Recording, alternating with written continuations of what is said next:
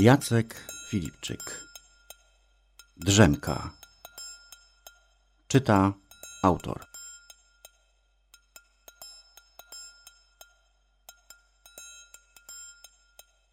Była druga po południu.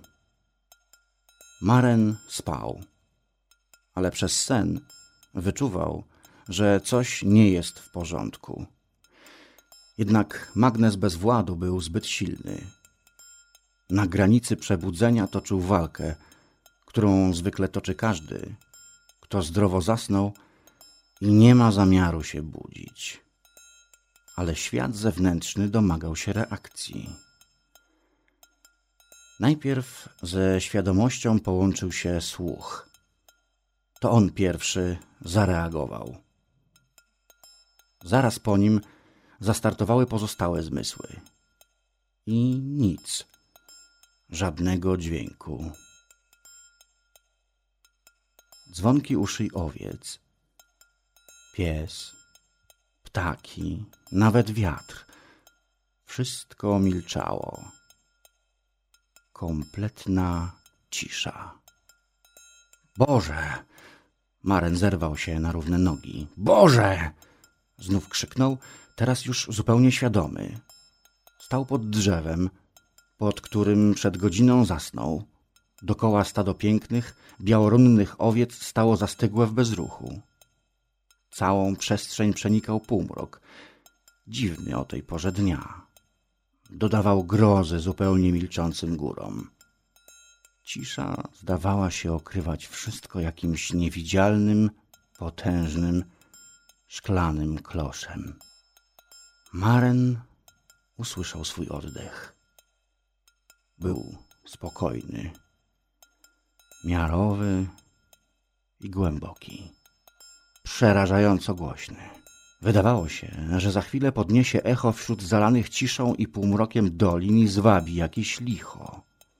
Pasterz przeraził się. Wstrzymał oddech. Nasłuchiwał.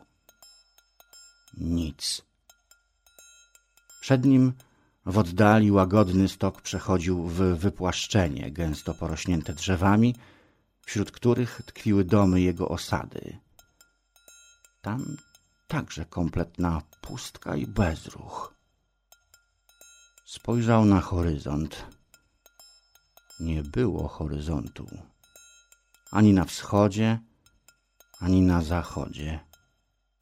Wszędzie obojętna i lepka szarość.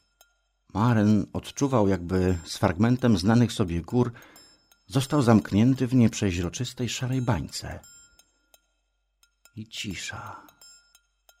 Może zaćmienie słońca? Nie, wiedziałby o tym z radia. Właśnie, radio? Sięgnął do swojej pasterskiej torby. Wydobył z niej stary mini odbiornik. Na jego ulubionej fali cisza. Nawet nie szum czy trzaski zakłóceń, ale zupełna cisza.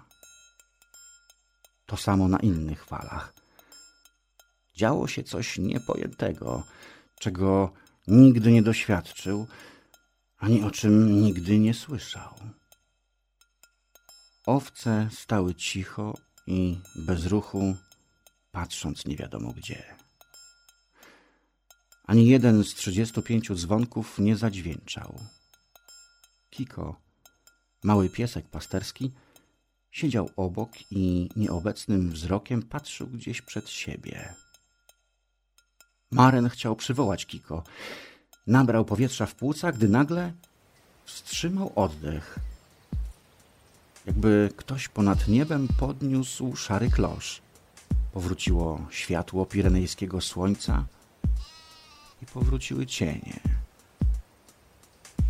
Wróciły obłoki, które skłębione i bliskie sunęły nad zielonymi dolinami.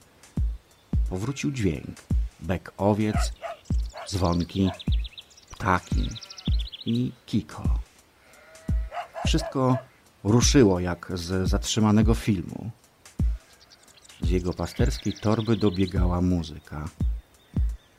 Maren stał zdumiony w cieniu pod samotnym drzewem.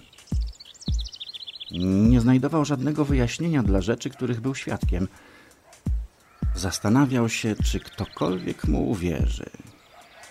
Ale to naprawdę się zdarzyło. Zdarzyło się. Co? Coś się stało? Radio. Czemu tak głośno gra? Sięgnął do torby i wyłączył je. Gwizdnął na kiko i ruszył w dół w kierunku swojej osady. Zbliżała się pora obiadu. Czuł się doskonale. Napełniony dobrym nastrojem pięknego dnia i wyspany. Znów śniło mu się coś dziwnego, ale jak zwykle nie pamiętał co. A wysoko, ponad sklepieniem, stara postać z długą, siwą brodą, ziewając, spoglądała w dół. To doskonały wynalazek, Gabrielu. Postać przeciągnęła się leniwie. I spójrz, jak doskonale funkcjonuje. Tak, panie. Wszystko w twoich rękach doskonale funkcjonuje. Gabriel zatrzepotał olbrzymimi skrzydłami. Nawet gdy śpisz. Dodał i odleciał.